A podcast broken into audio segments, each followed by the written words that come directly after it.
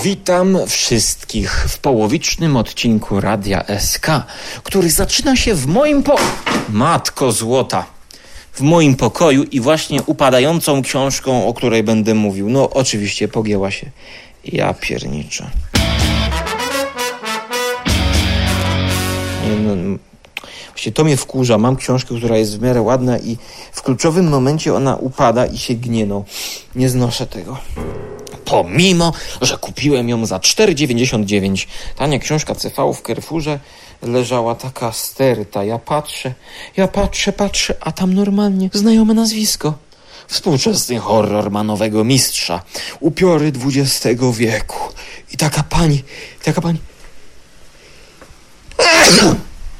A skąd to kichanie? Otóż ludzie kochani, słyszycie co jest za oknem? Deszcz. Deszcz, a więc jest to najodpowiedniejsza pogoda na słuchanie, gadanie i czytanie o horrorze. Opowiem wam co nieco o książce Upiory XX wieku. Come and play with us. Red rum,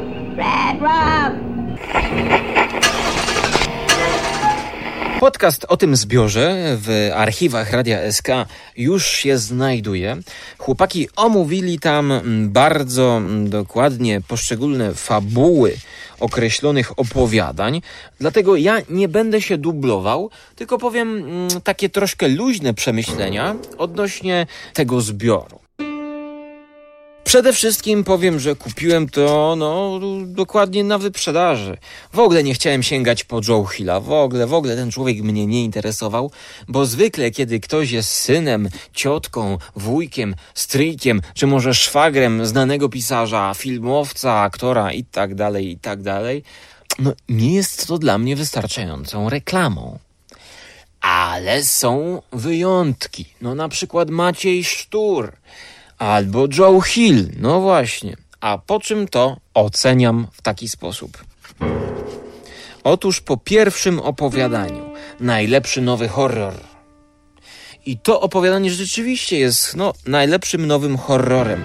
Jest horrorem o horrorze, opowiadaniem o opowiadaniu.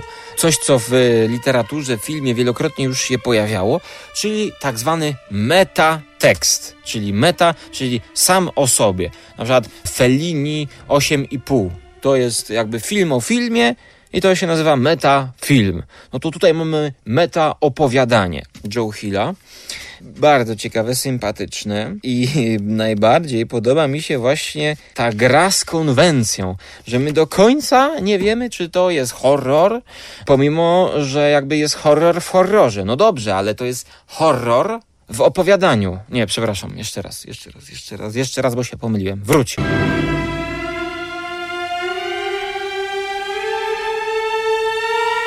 Mamy niby opowiadanie obyczajowe, w którym pojawia się horror. No ale teraz jak to zakwalifikować, skoro świat, w którym bohater czyta horror, no jakby nie jest horrorem. No, ale na koniec autor zadaje takie pytanie przewrotnie, co się wydarzy? Co będzie? Czy to jest horror? Czy to nie jest horror? Czy to jest ten najlepszy nowy horror? Czy to może po prostu jest coś innego? Oczywiście ja tutaj omijam i kluczę, żeby nie zdradzić wam fabuły, bo to jest tego typu tekst, że no jakbym wam powiedział, to byście pomyśleli, aha, to o to w tym chodzi, a to ja już nie muszę czytać. A tak łatwo nie ma.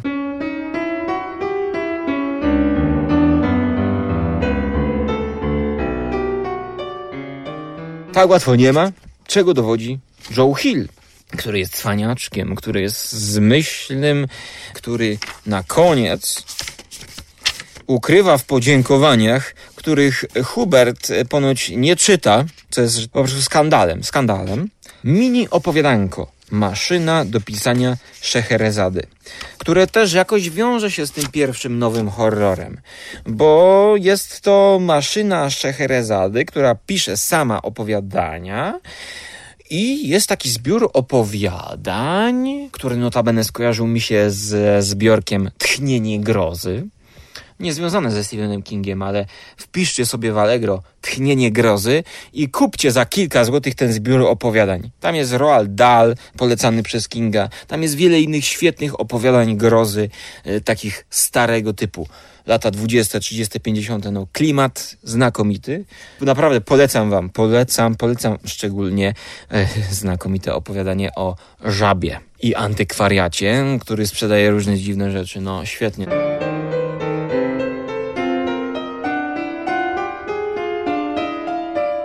Joe Hilla czuć inspirację właśnie starą grozą, jaka jest wydawana chociażby przez Bibliotekę Grozy w wydawnictwie polskim C&T. Tak więc, znając te stare teksty, my lepiej czerpiemy klimat Joe Hilla, ponieważ wiemy jakby skąd on się wywodzi, ten facet. Bo on no, nie wywodzi się z, z, domu Kinga, nie wywodzi się. Tak, to, to wam mówią głupoty. Czy wy nie widzicie tego, że to jest nazwisko Hill, a nie King? E, no oczywiście sobie tutaj tak żartuję. Mm, taki żart, żart, żart prowadzącego nieśmieszny. Ale chodzi mi o to, że Hill jest jakby zakotwiczony pomiędzy tą nowoczesnością, e, jaką prezentuje sam Stephen King, czyli znany żart o Kingu z Family Guy'a, kiedy Steven wpada na pomysł, no to teraz o czym by tu napisać nową powieść? O czym, o czym, o czym, o czym by tu napisać? tak siedzi przy biurku i myśli, myśli, patrzy, a tam lampa. O, mordercza lampa! To będzie nowa powieść o morderczej lampie. Hill stoi pomiędzy takim podejściem, czyli jakby nowoczesność, e, współczesność jest groźna, ale w każdym z tych opowiadań czuć, no może nie w każdym, czuć y, właśnie tradycję, czuć tradycję tego pisarstwa horroru i grozy z początku XX wieku, gdzie tak dużo potworów nie było. Gdzie był klimat, gdzie była groza czająca się no, w takich zwykłych y, przedmiotach, jak na przykład ta żabka z antykwariatu.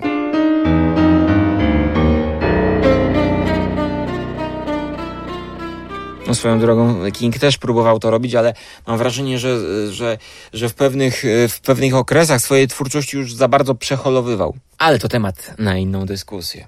Bo teraz przechodzę dalej do opowiadania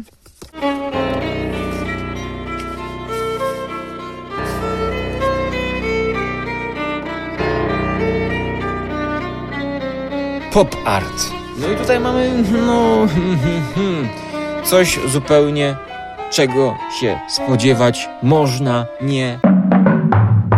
Opowiadanie po, spotkanie, chłopak, balon, dmuchanie.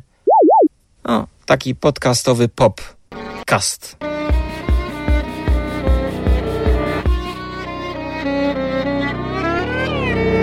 Zrobiłem, bo jest to coś takiego, książce pod tytułem Upiory XX wieku to jest, że tak powiem, no ewenement.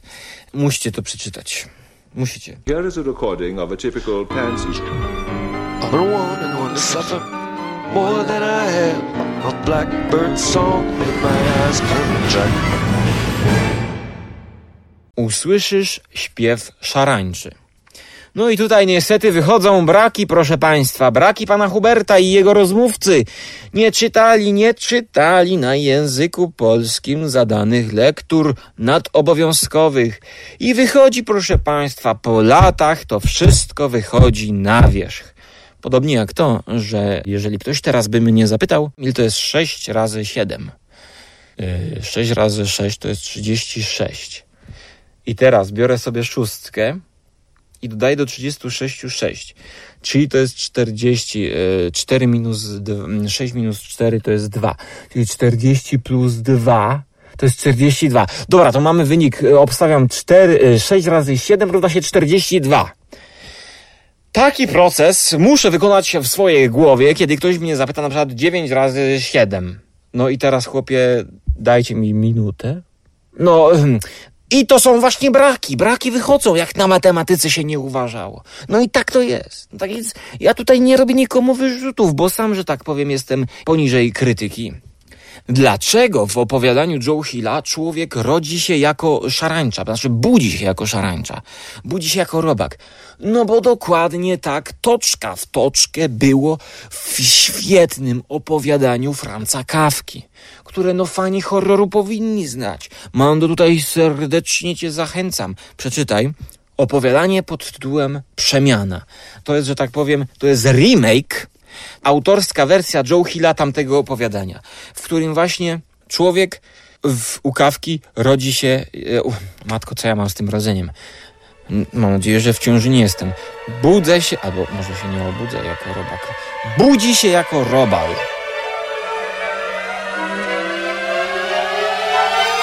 I no, życie ma przerąbane, ponieważ rodzina mieszka obok, właściwie w pokoju obok. I teraz, no, jak tu wyjść? Opowiadanie, które było wielokrotnie wystawiane na scenie teatru. Ponoć sam Polański e, zabierał się za to i chyba wystawił na deskach teatralnych interpretację swoją przemiany kawki. To świadczy o dużej erudycji Joe Hilla, jak na pisarza horroru, który na, nawiązuje jakby do literatury z, no, z wyższej półki, prawda? Więc ja gorąco polecam te opowiadania, o których dotychczas mówiłem, no bo tutaj reszta mnie aż tak bardzo nie, nie ten, nie, no wiecie co, nie, no jakoś no, nie do końca tak wszystkie opowiadania są na tym do, samym poziomie. Na przykład między metami, no to ja w ogóle dziękuję o, baseballu czytać. Peleryna, no to jest taki super bohaterski pomysł, ale jakiś niedosyt jest. No zbyt proste to rozwiązanie jest. Czarny telefon, no, no to widać, że tutaj oglądał Black Christmas i jakieś nawiązania do tych horrorów, slasherów są. No, ale takie to wtórne. Ale słuchajcie, kiedy doszedłem do martwego drzewa. Matko. No i tak to jest. Kiedy ktoś przerwie podcasterowi w pół zdania, wątek nie ma powrotu. Więc zacznijmy nowy wątek. Przedstawiam wam gościa tego odcinka. Otóż przed wami może powie coś ciekawego, znaczy czytał, czytał Joe Hilla. Przed wami Michałek. No, teraz twoja kolej. Michałek. Mhm. Mhm. Mhm. Mhm. Mhm. Całkiem niezły. Klasyka, można by powiedzieć. Taki Michałek. Polewka czekoladowa. W środku taka miazga i drobniutkie orzeszki. Całość tworzy kompozycję znaną, no kto komu nie znaną, no. I co ty możesz powiedzieć no, no, to jest już wylizywanie papierka po Michałkach, to jest już jakaś ze zboczenie jakieś. Ale dobre. Dobra, więc martwe drzewo.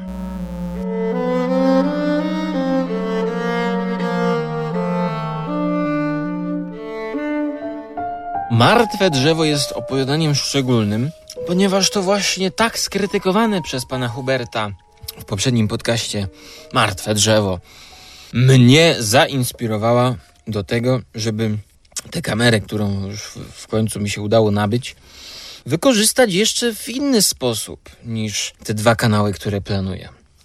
Otóż, żeby nakręcić taką właśnie ekranizację opowiadania Martwe drzewo. Hmm. Pomyślicie, że jestem głupcem i pewnie będziecie mieć rację, ale nie do końca.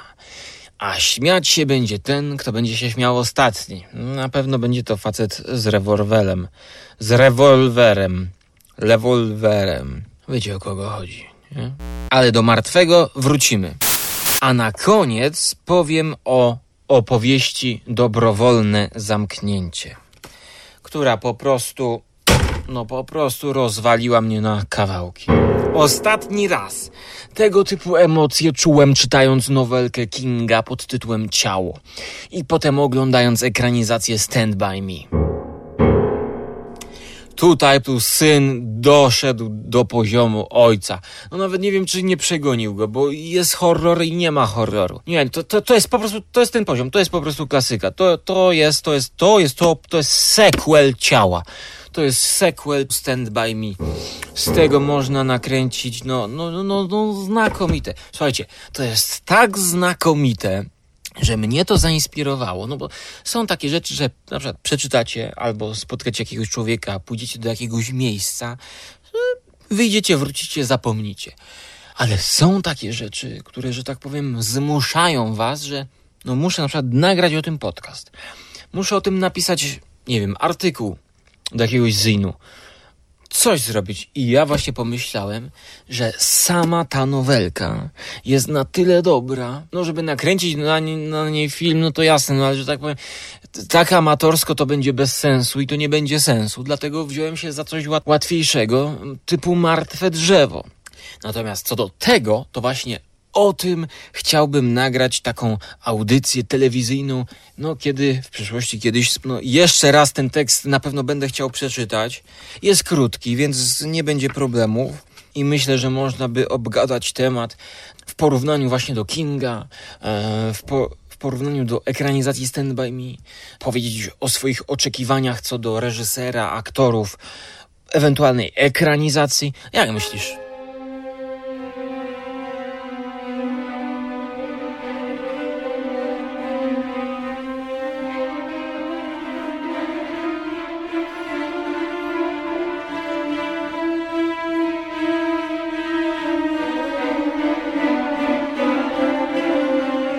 Tak więc mam nadzieję, że uda nam się ten cel zrealizować.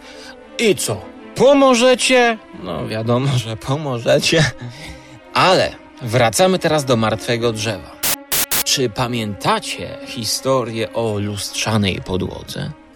Zapewne część z Was zastanawia się, no ale jak tu ekranizować martwe drzewo? A ja zacytuję gościa, y, właśnie który w odcinku o upiorach o tym opowiadaniu powiedział tak. Pomysł o duchach drzew to jest po prostu miazga. To jest po prostu rewelacja. Przecież gdyby nakręcić taki horrorek, który by zwracał na to uwagę, to przecież ludzie by się bali do lasu wchodzić. Bo za tam jakieś duchy z drzew będą was łapać. I to nie w formie takiej znanej z Evil Dead, gdzie prawda drzewa mają łapy i mackami oplatają cię. Tylko klasyczne, normalne duchy pojawiają się gdzieś w supermarkecie jako widmo.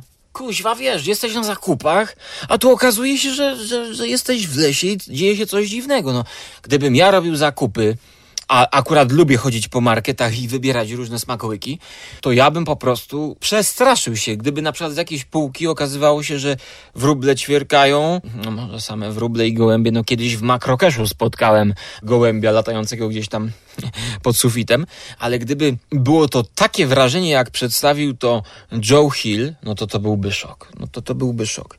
I słuchajcie, czytając właśnie to opowiadanko, wpadłem na pomysł, który na tyle mi się właśnie spodobał, że mogę go zrealizować. Pomysł będący sposobem realizacji tego właśnie opowiadanka. E, w taki amatorski, e, niskokosztowy sposób. No nie będę zdradzał, prawda? Nie będę zdradzał, bo... Ale o co chodzi? Tak. Będzie, słuchajcie, narrator w tym. Co więcej, narratora mam już nagranego narratora znacie, słuchajcie, znacie ten głos właśnie z lustrzanej podłogi. Dowiecie się, który to głos, kiedy wypuszczę pierwszy radiowy trailer tej ekranizacji. No oczywiście, gdzieś tam jakoś będę musiał, prawda, największego fana gdzieś jakoś wpleść, jakiś jego udział. Mam nadzieję, że się zgodzi. Zobaczymy, zobaczymy.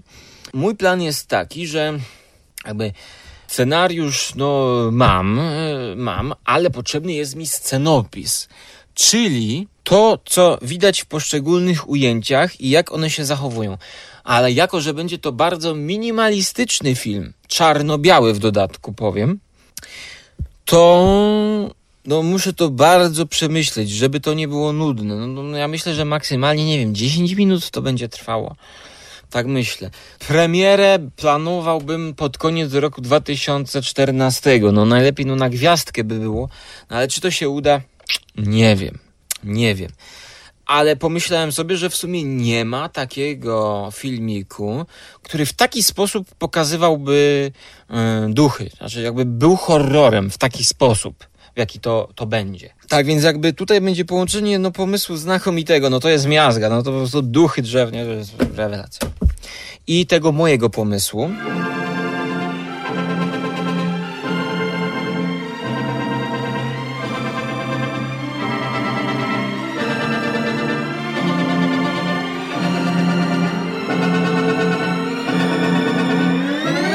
Film będę chciał umieścić na YouTubie, żeby był po prostu ogólnie dostępny za darmo, bez, bez żadnych zbędnych ten.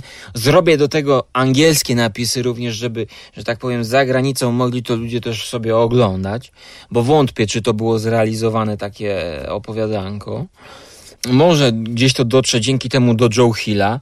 Kto wie, no, no oczywiście będę się to starał zrobić jak najbardziej profesjonalnie, pomimo, że to będzie jakby, no, no debiut to też przyznam się, że nie będzie, bo jakieś 10 lat temu ja już się bawiłem y, kamerką w sfilmowanie ze znajomymi. Trochę tego staffu nakręciliśmy, aczkolwiek nie jest to coś, czym chciałbym się za bardzo chwalić. Ale był horror. Był, słuchajcie, slasher pod tytułem White Hand. No, to było dobre. Mordowała taka biała ręka. Mm, to było ujęcie takie FPP, czy FPP, nie wiem jak to się mówi, First Person Perspective, tak, FPP. I taka biała ręka w rękawiczce golfowej wchodziła do domu i mordowała. To znaczy, to był człowiek, prawda? Tylko jakby widzieliśmy z jego oczu, a on dusił tą ręką mieszkańców pewnej nadmorskiej miejscowości. No, no słabe, słabe to było, słabe. E, jedno ujęcie było tylko dobre na cały chyba 8-minutowy film. Tak więc może gdzieś to ujęcie kiedyś udostępnię. No nie wiem, napiszcie co radzicie, co sądzicie. Ja i tak będę próbował realizować. No kamerę mam, no przydałby się prawda jeszcze statyw. O właśnie, statyw, bo to będą jakby warunki no nieregularne i do tego by się przydał, jest pomysł, no i taka wewnętrzna potrzeba, no zróbmy to. Będzie ekranizacja Joe Hilla, polska. Yy, być może pierwsza w Polsce ekranizacja Joe Hilla? No może, może będzie. A nawet, ludzie kochani, no jeżeli ktoś tego słucha i będzie chciał zrobić to szybciej, to niech to zrobi. Będą dwie. No na pewno tego nie zrobi w taki sam sposób, jak, jak ja go mam w głowie, prawda? Więc, no widzicie, no tak się kończy ten podcast. No raczej pozytywnie, bo wiadomości są um, pozytywne. E, zdradzę, powiedzmy, że będzie to kręcone, no nie wiem kiedy. To, to dużo zdradziłem, nie? Ale nie, no, myślę, że tak wrzesień, maksymalnie październik, no to jakby materiał powinien być już nakręcony. No i potem obróbka po, do końca 2014 roku. No bo jeszcze muszę ten scenopis napisać, jakby muszę wiedzieć, co, co chcę dokładnie jakby nakręcić, w jakim ujęciu. No i potem jeszcze będą testy, powiedzmy, z tym statywem, który będę musiał skombinować. Najbardziej ciekawi mnie, jak Wam sam film już by się spodobał. I jak bardzo uda mi się zrealizować ten pomysł, który mam w głowie względem trudności technicznych. Bo taka ciekawostka na koniec. Mm, kilka tygodni temu byłem w Tatrach po słowackiej stronie. Tam jest takie miejsce nad jeziorem pięknym, y, symbolicki cmentosz, czy cmyn, cmyntek, jakoś tak, ale nie dla zwierzaków, tylko dla ludzi, niestety, no dla alpinistów. I tam właśnie byłem uczcić mojego zmarłego przyjaciela Tomka Kowalskiego, alpinistę, który, który wszedł na Broad Peak, no i no niestety tam został. Możecie o nim posłuchać osobnego podcastu, który również w Radio SK się pojawił. I tam jest takie miejsce, gdzie jest i Kukuczka, i Wanda Rutkiewicz, yy, tablice, ich tablice poświęcone ich pamięci, wbite do takich skał. Więc wygląda to z jednej strony pięknie, z drugiej strony groźnie, bo te małe skały, takie okrągłe, są na tle no, Tatr. No to możecie sobie to wyobrazić. I na dole są takie drewniane krzyże, takie malowane w takie jaskrawe kolory, jeszcze które były sprzed II wojny światowej. Podczas wojny one wyniszczały, potem je odremontowano, ale one zachowały taki, powiedziałbym, kojarzący się z cepelią, jakieś takie ukraińskie elementy, takie folkowe, prawda, folklorystyczne, rzeźbienie, jakieś wywijasy rodem z secesji, jakieś kwieciste falbanki, no i takie cmentarzysko niby. No ale tam żadnych ciał nie ma, tylko tablice, nie? Od razu się kojarzy, prawda, Stephen King i cmentarz dla zwierzaków. e, cmentarz właściwie, no bo było smętnie. I słuchajcie, i wracając do schroniska z tamtego symbolicznego cmentarzyska, natrafiłem na drzewo. Słuchajcie, nie wiem dokładnie jaki to był gatunek, ale nie myślcie sobie, że nie będę wiedział ponieważ do e, ekranizacji filmu Martwe Drzewo ja się przygotowuję dobrze. Ja zainwestowałem w książkę. Na początku było drzewo. Słuchajcie, świetna książka o drzewach. Jakiś szok po prostu, co można znaleźć za książki. Po prostu jakby, no nie skąd się wzięły drzewa, ale jakby rodzaje drzew, ciekawostki, drzewa w historii, rola drzew, rozumiesz, w, w sztuce. No, no, no, no normalnie o drzewach będę chyba wiedział wszystko. Update z przyszłości maj. Pozdrawiam wszystkich fanów, którzy teraz myślą, skóra doszedł do ściany. Nie, ten, ten, ten, człowiek, po, ten, ten człowiek doszedł już do ściany. W podcaście o Stephenie Kingu zachwyca się książką o drzewach. Gratulacje. Pozdrawiam wszystkich słuchaczy. No, wracamy do skóry sprzed kilku miesięcy rodzaje drzew, ciekawostki, drzewa w historii, rola drzew, rozumiesz, w, w sztuce. No, no, no, no normalnie o drzewach będę chyba wiedział wszystko, jak nakręcę serial Martwe Drzewo, znaczy film. Miałem akurat wtedy kamerkę, schodzę i patrzę, to normalnie martwe drzewo.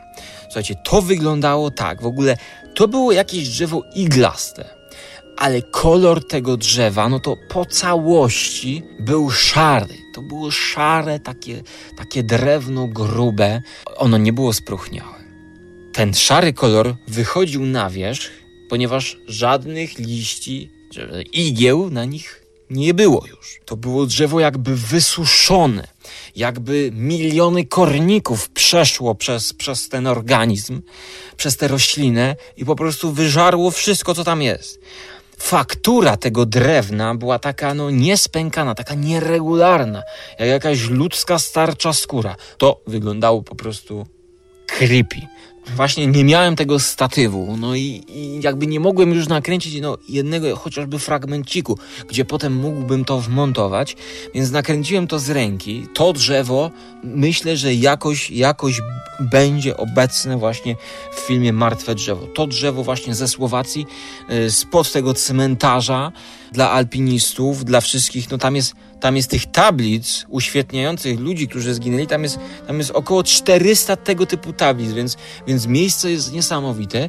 No i myślę, że taka jakby pamiątka, nawiązanie do takiego miejsca e, w, w etiudzie Martwe Drzewo, no będzie jakby świetne, prawda? I tutaj też nie wszyscy będą jakby wiedzieć, które to drzewo.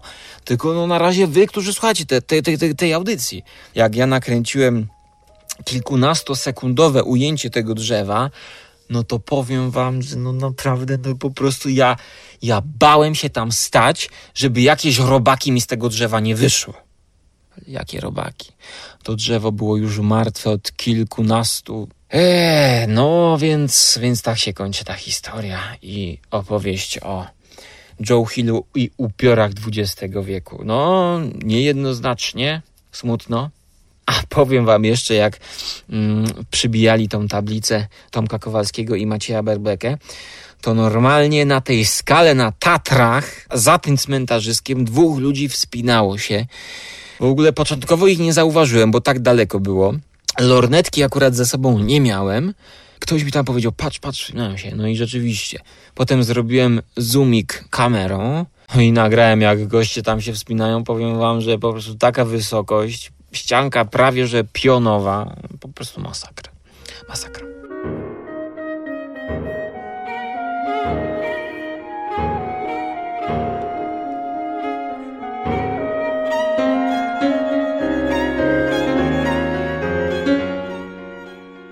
Tak więc trzymajcie się.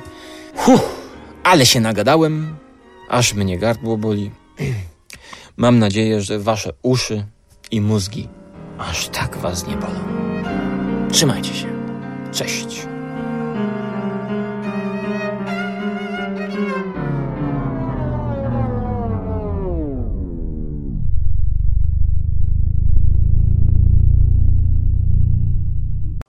No i zapraszam oczywiście na Żarłok TV.